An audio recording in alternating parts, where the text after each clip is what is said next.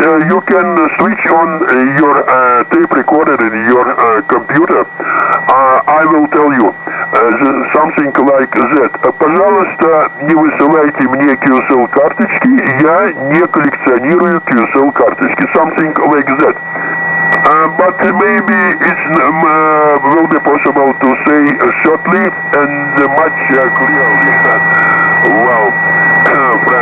yes, I understood that maybe you will not be on frequency tomorrow. Uh, by the way, uh, John, I also am not quite sure because uh, tomorrow mm, I will go to the office for uh, Sapapa.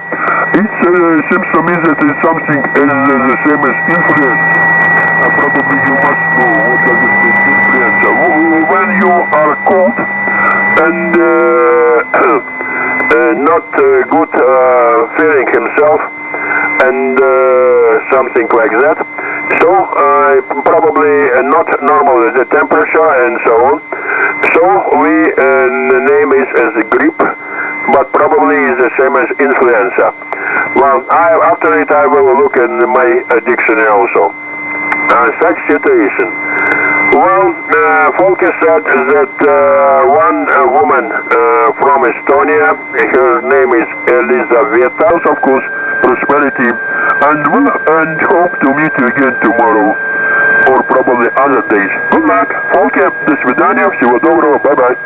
Roger, Roger. Всего доброго, э, Jakob. See you then. All the best. Пока. Э, До свидания, Folke, всего доброго, bye-bye.